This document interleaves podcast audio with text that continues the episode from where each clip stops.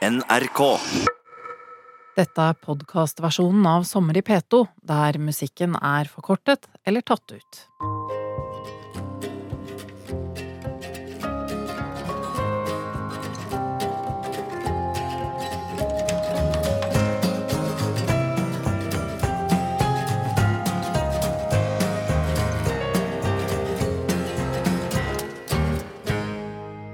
Hei, dette er Hanne Haugland. Jeg har vært verdensmester i høyde. Jeg sier jeg har vært, for det er lenge siden 1997. Og mange har helt sikkert glemt både meg og verdensmesterskapet. Men jeg glemmer det jo ikke. Opplevelsen sitter i kroppen min ennå. I min idrett ender hver eneste konkurranse i fiasko. Den avsluttes med tre riv, uansett hvor høyt du hopper. Det eneste unntaket jeg husker, er den gangen jeg ble verdensmester. I og for seg rev jeg tre ganger på 1,99 og var ute av konkurransen, men det samme gjorde mine konkurrenter. Da ble det omhopp om seieren. Et fjerde forsøk på å få kroppen til å fly over den lista høyt der oppe.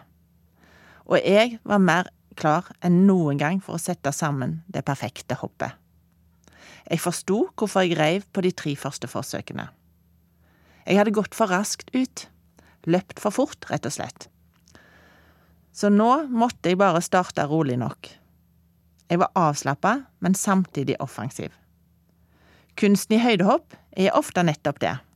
Å klare å finne en balanse mellom det å være i angrepsmodus og avslappa for å finne rytmen og fullføre de gode bevegelsene. Og den dagen i Aten i 1997 klaffa alt. Velkommen til mitt sommer i P2. Jeg skal snakke om å være sin egen laboratorierotte og nerde på idrett, og jeg skal spille musikk jeg liker.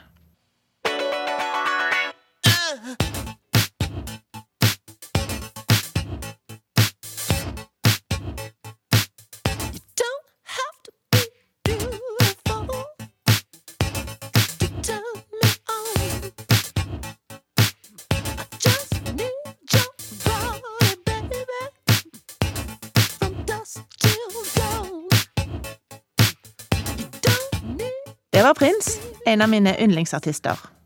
Også en perfeksjonist uten sammenligning for øvrig. Jeg har levd mesteparten av livet mitt i et prestasjonsmiljø. Jakten på de gode resultatene har vært rammen rundt og logikken i det jeg har drevet med. I dag er jeg fortsatt en del av toppidretten i Norge gjennom en jobb som coach i Olympiatoppen. Der er jeg sparringspartner for trenerne og sportssjefene i de fire idrettene jeg har fått ansvar for. Seiling, friidrett, parabordtennis og golf. Såkalte tekniske sommeridretter. Jeg skal ikke lenger lykkes sjøl, men bidra til at andre får muligheten til å få ut sitt potensial. Men likevel tror jeg med hånden på hjertet at jeg kan si at jeg aldri har vært ekstremt opptatt av resultater. Jeg husker eksempel ikke hvor mange NM-gull jeg har sjøl, eller hva jeg hoppa hvor. Jeg er mer opptatt av prosess. Det å leite i det fysiologiske. Finne den mentale balansen. Helheten som må til på veien til et eller annet. Også det som virker som en fiasko, er interessant for meg. Og i det som var min idrett fra jeg var sju år, ender konkurransene med at man ikke klarer å komme seg over lista. Den legges jo oppover og oppover etter hvert som konkurransen går sin gang. Utøverne prøver og klarer. Prøver en høyde til, kommer seg over igjen, men så riv. Tre ganger til og med. Snakk om å gni det inn, liksom. Jeg erfarte altså gjennom hele karrieren at det alltid var et nivå jeg ikke klarte. Tok det fra meg motet? Ja, noen ganger. Men stort sett er den målbarheten som finnes i friidretten, bra på den måten at vi alltid vet hvilken standard en prestasjon har.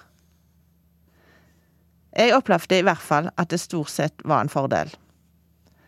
Jeg kunne for eksempel hoppe høyt over lista med det meste av kroppen, for så å rive med hælene helt på slutten. Det var fristende da å se at jeg var god for en annen høyde enn det jeg klarte, men jeg tror det er en farlig vei å gå. Jeg tror det er viktig å forsøke å være så objektiv som mulig på sin egen prestasjon. Jeg skulle også ønske at jeg hadde vært mer bevisst på å se på mine egne prestasjoner med nysgjerrighet når jeg sto midt oppi den aktive karrieren. Vært bedre på å tenke sånn Hva er det jeg faktisk får til i dag? Hva får jeg ikke til ennå? Hvordan skal jeg få til dette i framtiden? Hvis man derimot tenker at jeg er så god som jeg nesten var, så er det lett å undervurdere hva som skal til for å få hele kroppen over lista. Jeg måtte jo finne ut hvorfor jeg reiv med de hælene, og hvordan jeg skulle justere teknikken for å få de over ved neste anledning. Den stadige jakten på det perfekte hoppet var det som aller mest fascinerte meg i mitt liv som høydehopper. Når jeg samarbeider med trenerne i Olympiatoppen, blir dialogen så mye mer konstruktiv når vi møter hverandre med åpenhet og nysgjerrighet. Da handler det om læring, og ikke om å fordele skyld eller dømme seg sjøl eller hverandre hvis ikke alt klaffer.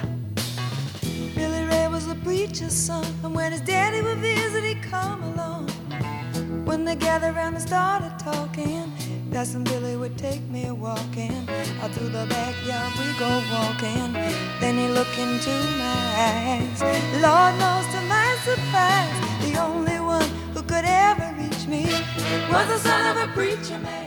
Dette er Sommer i P2 med Hanne Haugland. Eks-høydehopper og nå trenercoach i Olympiatoppen. Hvis jeg skulle lært bort høyde til noen som ikke har prøvd å hoppe før, ville jeg latt de løpe i en sirkel og gjøre hopp så høyt opp i lufta som de kunne. Bare strekke seg opp. Da ville de forstått hvor de måtte spenne opp og lute kroppen. Hvorfor det er viktig å bruke hofta riktig, og hvorfor det er viktig med akselerasjon og svingfot. En liten unge ville finne ut dette raskt og korrigere nesten helt instinktivt. Det er ren fysikk. Dessverre starter de fleste med å hoppe ved et høydestativ. Instinktet da er å sprinte ut så fort du kan, men da går det for fort, og du må bremse inn mot lista. Til slutt slenger du kroppen mot den myke matta. Og det blir liksom målet for ferden. Ikke himmelen. Du mister høyden i hoppet. Så hva er det viktigste? Hva er det som må på plass for å få til et godt høydehopp? Jeg har i lange perioder spora helt av i å være opptatt av detaljer som hadde liten innvirkning på sluttresultatet. Etter hvert ble jeg mer og mer opptatt av hvor enkelt jeg kunne gjøre det. Det er faktisk ikke så ofte jeg har forsøkt å beskrive et høydehopp i detalj, men det skal jeg prøve på nå. Det starter med konsentrasjon. Jeg står stille, går gjennom hoppet steg for steg, bevegelse for bevegelse. Det kalles å visualisere hoppet. Du som har sett en høydekonkurranse på TV eller på en friidrettsstadion, har helt sikkert tenkt at jammen er det pussige ritualer disse hopperne har. For der står vi og strekker oss, slik at vi føler styrken i kroppen, deretter luter vi oss litt den ene veien for å visualisere bueløping, for deretter å kjenne litt på trykket i satsfoten. Vi løfter kanskje litt på en skulder, armene eller ene kneet. Det føles helt naturlig, og ikke noe pussig i det hele tatt, når du er helt inne i den verdenen. Så tar jeg de første stegene i tilløpet. Det er ofte noen små trippesteg, opp på tærne og fram til et merke. Herfra er det de store musklene i beina som skal gønne på. Jeg setter buen, det ene beinet litt på kryss av linjen jeg løper i, og samtidig legger jeg kroppen inn. Dette gjør jeg for å få med farten og kreftene som jeg skaper ved å løpe i en bue. Idet jeg skyver inn i satsen, så gjelder det å få alt til å sitte sammen. En sammenhengende, god bevegelse som starter fra motsatt fot. Og så kobler jeg inn svingbeinet og armene for å skape mer fart oppover. Hoften er viktig. Det største leddet i kroppen må være med på dette for at alt skal klaffe og akkurat nå bør den helst være rett over lista. Øynene søker et punkt over bortre stativ. Så skal skuldrene og hodet søke ned mot madrassen, og etter hvert slår kontra med hoften for å få med leggene og føttene. Mens jeg sitter her og forteller dette, merker jeg at jeg bruker armene og beina for å vise. Det er uvant å beskrive dette med ord. Men jeg kan love at det er en utrolig god følelse når du merker at hele kroppen er med, og at det er luft mellom deg og lista.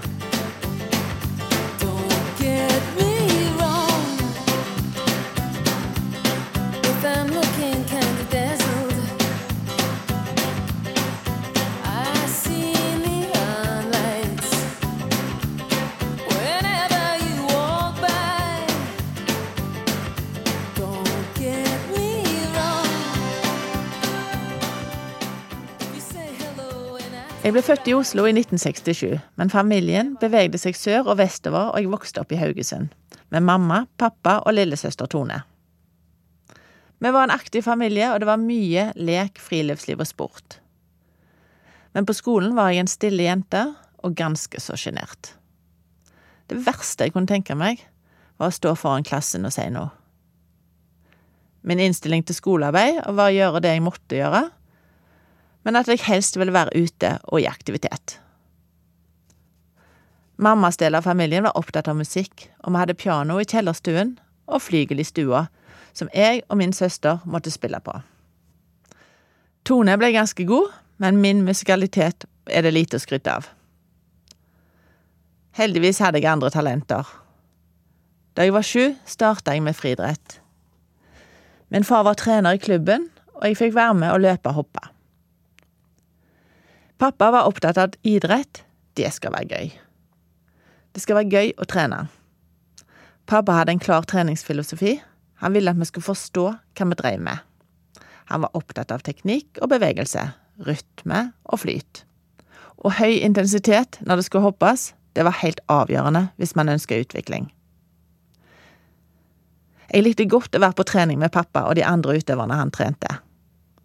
Pappa var en sarkastisk fyr, typisk vestlending som slang ut skarpe kommentarer.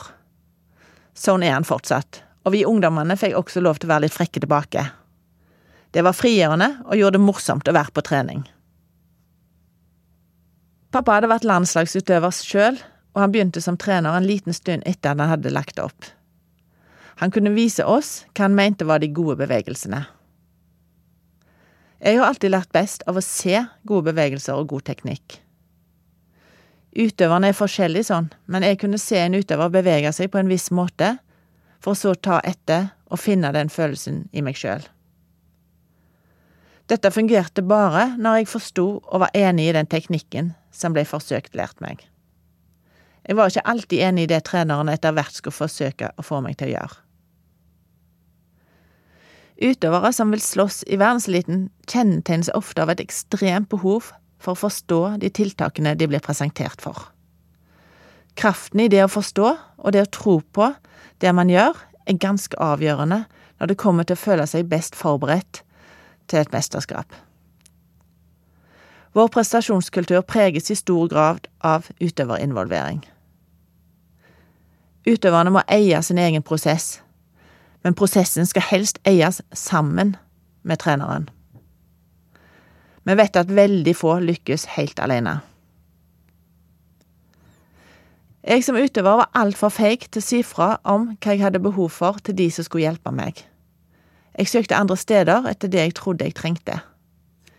Ikke før jeg var nærmere 30 år og trygg på meg sjøl og de rundt, våga jeg å være ærlig på hva jeg trengte mer av, og hva jeg trengte mindre av. Da jeg vant VM den gangen i 1997, husker jeg noe annet enn selve hoppet og suksessen. Jeg husker at jeg var blid og harmonisk, og at jeg smilte og var avslappa. Men slik hadde det ikke alltid vært. Jeg husker veldig godt tilbake til en konkurranse på Haugesund stadion tidlig i barndommen, der jeg følte en forventning til meg på at jeg skulle være god, men også på at jeg måtte oppføre meg på en spesiell måte. Min kjære far hadde fortalt historier fra hvordan han konkurrerte. Han var ikke spesielt opptatt av resultatene eller rekordene han hadde satt, men han snakker mye om kunsten å bevege seg og kunsten å konkurrere. I hans øyne, slik jeg hørte det, gikk det blant annet ut på å gjøre konkurrentene usikre og han selv trygg og sikker, eller tøff om du vil. Han prøvde å psyke de ut. Jeg tenkte at hvis det var slik man oppnådde gode resultater, var dette noe jeg også ville prøve. Jeg dro på stadion, tøff i trynet, med hodet høyt heva og med en streng mine i ansiktet. Jeg skulle se ut som jeg visste nøyaktig hva jeg dreiv på med, og at dette var noe jeg kunne godt. Men inni meg var jeg jo fortsatt den sjenerte, usikre jenta som aldri sa noe i timene på skolen, og som absolutt ikke hadde kontroll på situasjonen. Det gikk ikke så bra. Denne spenningen mellom hva jeg følte og hva jeg uttrykte, sammen med de dårlige resultatene i stevnet, ble en viktig vekker for min del. Jeg skjønte såpass at det å være den sure jenta som ikke fikk det til, var både flaut og feil. Jeg skjønte at jeg måtte finne min egen måte å gå inn i og gjennomføre konkurranser på. Nå har vi vært en sving innom Haugesund, og da må vi jo spille Vamp og en av de vakreste låtene. Det er svart november, havet knuser mot strand. En forliste drøm fra et sommergrønt land. Men jeg husker ennå vakre Marima Kir langt vest i Tirna Noir. Ir. Jeg heter Hanne Haugland, og i mitt Sommer i P2 forteller jeg om hvordan jeg oppdaga min egen metode som høydehopper, og etter hvert ble god til å trene meg sjøl. Hvordan finner man sin egen metode? Hva er egentlig oppskriften? Fins det en oppskrift? Jeg tror ikke på en fasit, men jeg brukte mange år på å prøve og feile, og forsøke å knekke min egen kode. Noe av det tror jeg er allmenngyldig og overførbart, ikke bare til andre idrettsgrener, men òg til livet sjøl. Når man nerder lenge og altoppslukende med én ting, får man mange erfaringer, og de utvikler seg til intuisjon, en teft, en følelse av at noe bare føles riktig, eller feil. Jeg husker veldig godt at jeg skulle delta i innendørs-EM i 1989 i Den Haag, Nederland. Den vinteren hadde jeg for alvor begynt å konkurrere utenlands, og jeg hadde knytta mange nye kontakter. Etter middagen på hotellet kvelden før finalen satt vi en gjeng i baren og diskuterte timing. Jeg tror ikke at jeg var så veldig aktiv i selve samtalen, men noe hadde det vekka i meg. For da jeg hadde lagt meg i senga og skulle sove, starta en prosess som jeg aldri hadde vært med på før. Hodet spant, men alt var veldig knytta opp mot det jeg skulle gjøre neste dag. Jeg oversatte på en måte det vi hadde snakka om, til en visualisering av høydehoppet. Plutselig visste jeg hvordan jeg skulle få ting til å henge sammen. Tidligere hadde jeg for eksempel hatt stort fokus på å få til en aktiv svingfot. Nå spilte jeg filmen av meg sjøl hoppa i sakte kino og kunne gå inn og spole fram og tilbake og sette ting sammen. Jeg gikk fra et detaljfokus til et helhetsfokus. Morgenen etterpå våkna jeg med bevisstheten om at jeg hadde sovet veldig lite, men det gjorde ikke så mye. Jeg var så trygg på hva jeg skulle gjøre i hallen den dagen. Min personlige innendørsrekord var 1,91 eller 1,92 for stevnet, og dette hoppa jeg greit. Jeg tok òg neste høyde og den neste etter det. Da leda jeg konkurransen sammen med Alina Astaføy fra Romania. Denne dagen følte jeg at alt var mulig. Jeg bare hoppa og hoppa. Jeg tenkte ikke noe på omgivelsene rundt, eller hva jeg kunne eller ikke kunne. Mitt eneste fokus var å forsøke å få til den gode flyten jeg hadde sett for meg gang på gang gjennom visualiseringen natten før. Alina Astafei og jeg var de eneste som hoppa over 1,96. Så skjedde det noe. Jeg begynte å tenke at jeg hadde en medalje i lomma. Hva kunne det føre til? Tankene spant i vei, og jeg så meg sjøl utenfra og jeg kunne ikke klare å finne tilbake til den totale tilstedeværelsen. Der og da var EM over for min del, og jeg endte som sølvmedaljevinner. Det gikk veldig lang tid og flere år før jeg klarte å finne tilbake til denne tilstedeværelsen i nuet, og det tok enda lengre tid før jeg klarte å gjenta det i en høydekonkurranse. Fem år tok det før jeg forbedra min personlige rekord igjen og klarte å slå norgesrekorden. Gjennom disse åra lærte jeg mye, og det var veldig krevende. Jeg forsøkte å samarbeide med ulike trenere og grupper, men fant ikke noe som passa helt for meg. Jeg hadde mange fine trenere som lærte meg mye, men jeg tok ikke helt eierskap sjøl og ansvar for min egen utvikling. Jeg kom på trening for å bli trent. Det kan være mye bra med å bli trent, det å ha en annen person som veileder, og som stiller krav til deg. Får deg til å yte mer enn du kanskje ville gjort alene. Det er jo en grunn til at personlige trenere er blitt en så stor yrkesgruppe. Det krever mye disiplin å holde koken på egen hånd. Men etter å ha blitt trent i flere år, vil jeg prøve noe annet. Jeg ble min egen lærbrotte i mitt eget lille toppidrettsprosjekt. Det betyr ikke at jeg var helt alene. Jeg trente jo et fellesskap og ble inspirert av andre utøvere fra andre grener og idretter. Men jeg ville finne en vei som jeg ikke visste hvor gikk. En vei som fikk ut det beste av meg. Jeg måtte våge å gjøre ting som ikke var vanlig, men som jeg trodde kunne ta meg videre. Jeg ville ikke skylde på noen eller noe hvis jeg ikke lykkes. Og jeg lærte meg å skille mellom gode og dårlige råd. Det er alltid mange som mener mye om trening, og en hel del måtte jeg bestemme meg for at skulle gli forbi. Men jeg hadde også gode rådgivere rundt meg, folk som skjønte hva jeg drev med, og som utfordra meg. Og i våre dager er det stadig oftere utøverne selv som tar grep.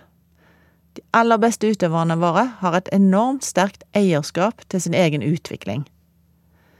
Jeg tror at omgivelsene har blitt mye bedre på å anerkjenne og verdsette den krevende utøveren som har en sterk mening om hva han eller hun har behov for å utvikle. I norsk idrett ser jeg mange gode trenere, og i dag har man mye mer kunnskap om og bevissthet rundt utøverens autonomi. Og for min egen del handlet det altså om å ta ansvar for egen utvikling og å se et høydehopp som en helhet. En sammenhengende bevegelse og en tilstedeværelse i nuet. Det siste der høres jo ut som en eneste stor klisjé, men det er helt sant.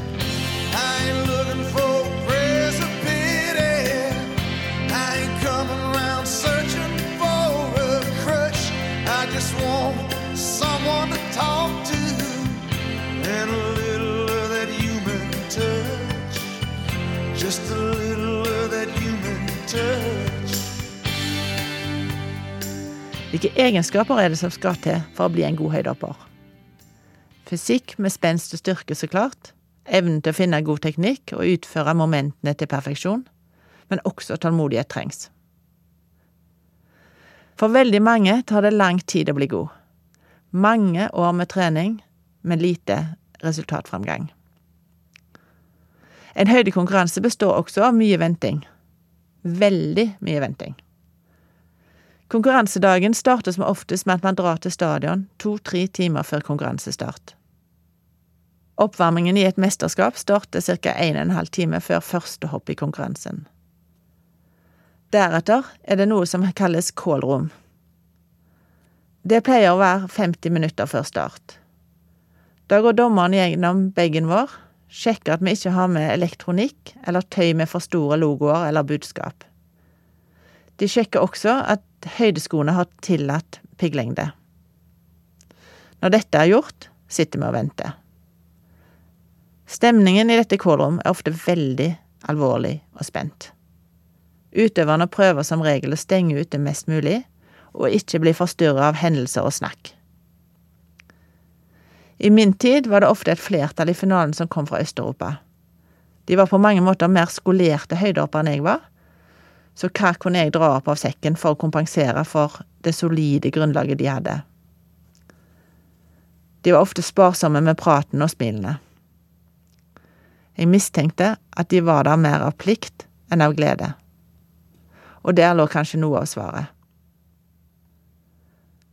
Jeg hadde gjennom labbrotteeksperimentet mitt funnet ut at jeg fungerte aller best når jeg var i godt humør og avslappa. Jeg måtte òg alltid svippe innom tanken på at jeg var sterk nok til å tåle å mislykkes. Det var ikke alltid lett. Noen ganger er man jo prega av helt utenforliggende ting i livet også, som man tar med seg. Men det er òg en del av et godt treningsopplegg, å øve seg på å stenge ute ting man ikke kan gjøre noe med her og nå. Vanskelige ting. tankespinn fra en eh, krangel med kjæresten, eller at du skulle ha ordna noe før du dro på stevne. Jeg ble ganske god på å skru av og skru på. Det er jeg fortsatt. Ikke at jeg alltid klarer å kontrollere følelsene mine, men jeg vet at jeg kan velge å legge noe til side en stund. Akseptere at tankene kommer, men ikke dvele med de, eller la de overskygge alt. Det er ikke sikkert at denne innsikten bare kommer fra idrettskarrieren. Man har jo tross alt levd et vanlig liv òg, med opp- og nedturer. Livserfaring, heter det visst. Men altså, jeg forsøkte alltid å smile og gi noen hyggelige kommentarer, eller innlede samtaler om noe annet enn høydehopping. Ikke det mest eksistensielle, det skal jeg innrømme. Selv om jeg fortsatt kan være sjenert og tilbakeholden, noen ganger lukka, har jeg trent og prøvd meg fram litt også på det menneskelige aspektet. Å få fram andre sider av meg sjøl er frigjørende. Når alt stemte, kjente jeg på en frihet til å prestere, til å slippe løs kreftene og ikke tenke på konsekvensene. En del av det har å gjøre med å ufarliggjøre min egen prestasjon. Hva er det verste som kan skje hvis jeg ikke lykkes? Det er faktisk ikke verdens undergang å tape. Min prestasjon påvirker så utrolig lite i den store sammenhengen. Og på det lille, nære planet er det faktisk heller ikke avgjørende. Folk rundt meg vil fortsatt være glad i meg, og jeg vil faktisk også være glad i meg sjøl.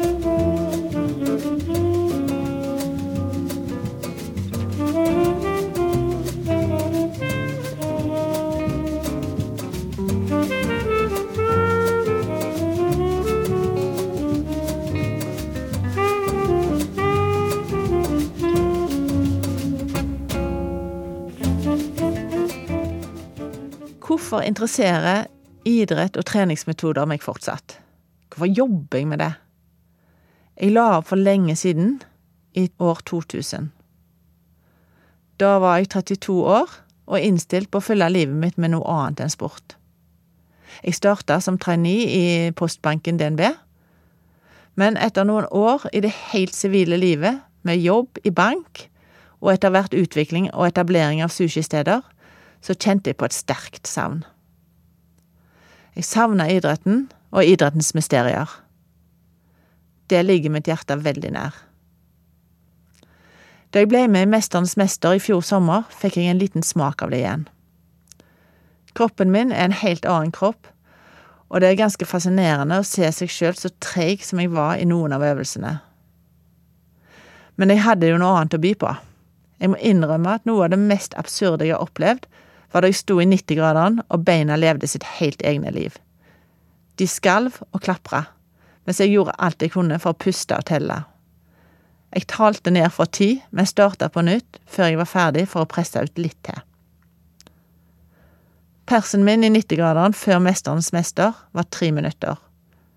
Men da det ble konkurranse, holdt jeg ut i over det dobbelte. Det er gøy å vinne, også over seg sjøl. Nå når jeg ikke har noe mål å trene for, må jeg finne noe annet som motiverer meg. Nå er det helsegevinsten med å bygge opp hjerte- og lungefunksjon gjennom å gå i skogen, og spesielt det å trø til i oppoverbakkene, det motiverer meg. Når jeg da tar den samme rundløypa, kan jeg merke at formen blir bedre etter noen økter. Og så vil jeg jo klare meg sjøl som gammel dame.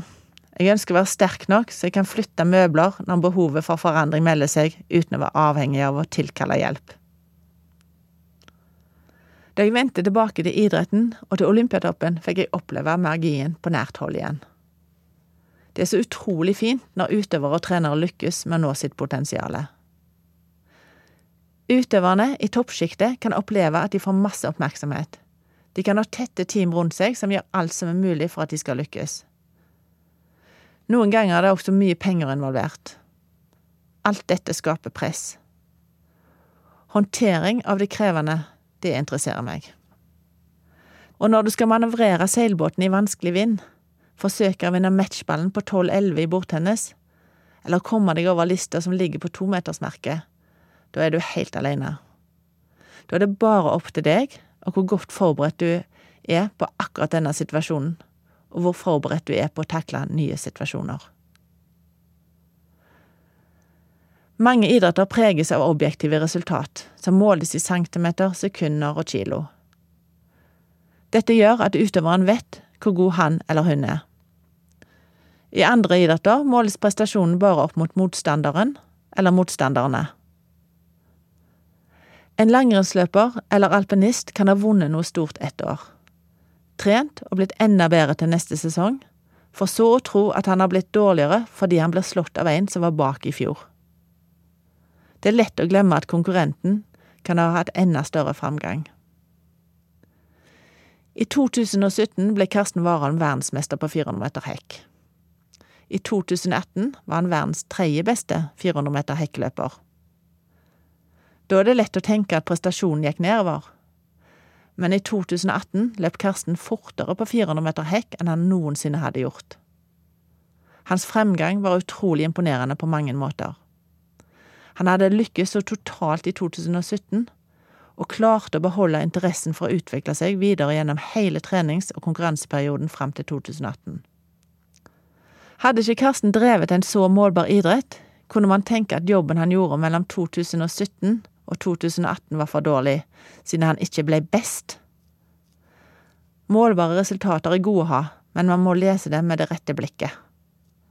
Og i år 2019 har han tatt enda et stort steg. Han har allerede kommet helt fantastisk i gang med sesongen. På Bislett 13. juni løp han 400 meter hekk, fortere enn noen annen europeer noensinne har gjort. Takk for at du var med meg gjennom sommer i P2. Kanskje er du òg en av de mange som blir rørt når noen vinner, eller taper for den saks skyld. For idrett er mye følelser. Jeg griner alltid av Ja, vi elsker. Midt i min egen VM-finale gikk Trine Solberg Hattestad opp på pallen og fikk sin medalje. Og jeg sto med solbriller på indre bane, og tårene strømma. Men noen timer seinere, da jeg sjøl sto på pallen, var det så mektig at jeg følte jeg sto helt ved siden av meg sjøl. Jeg følte på høytid, jeg var så stolt, og jeg grein for en gangs skyld ikke av Ja, vi elsker. Men seinere på kvelden, aleine i dusjen, da grein jeg. So.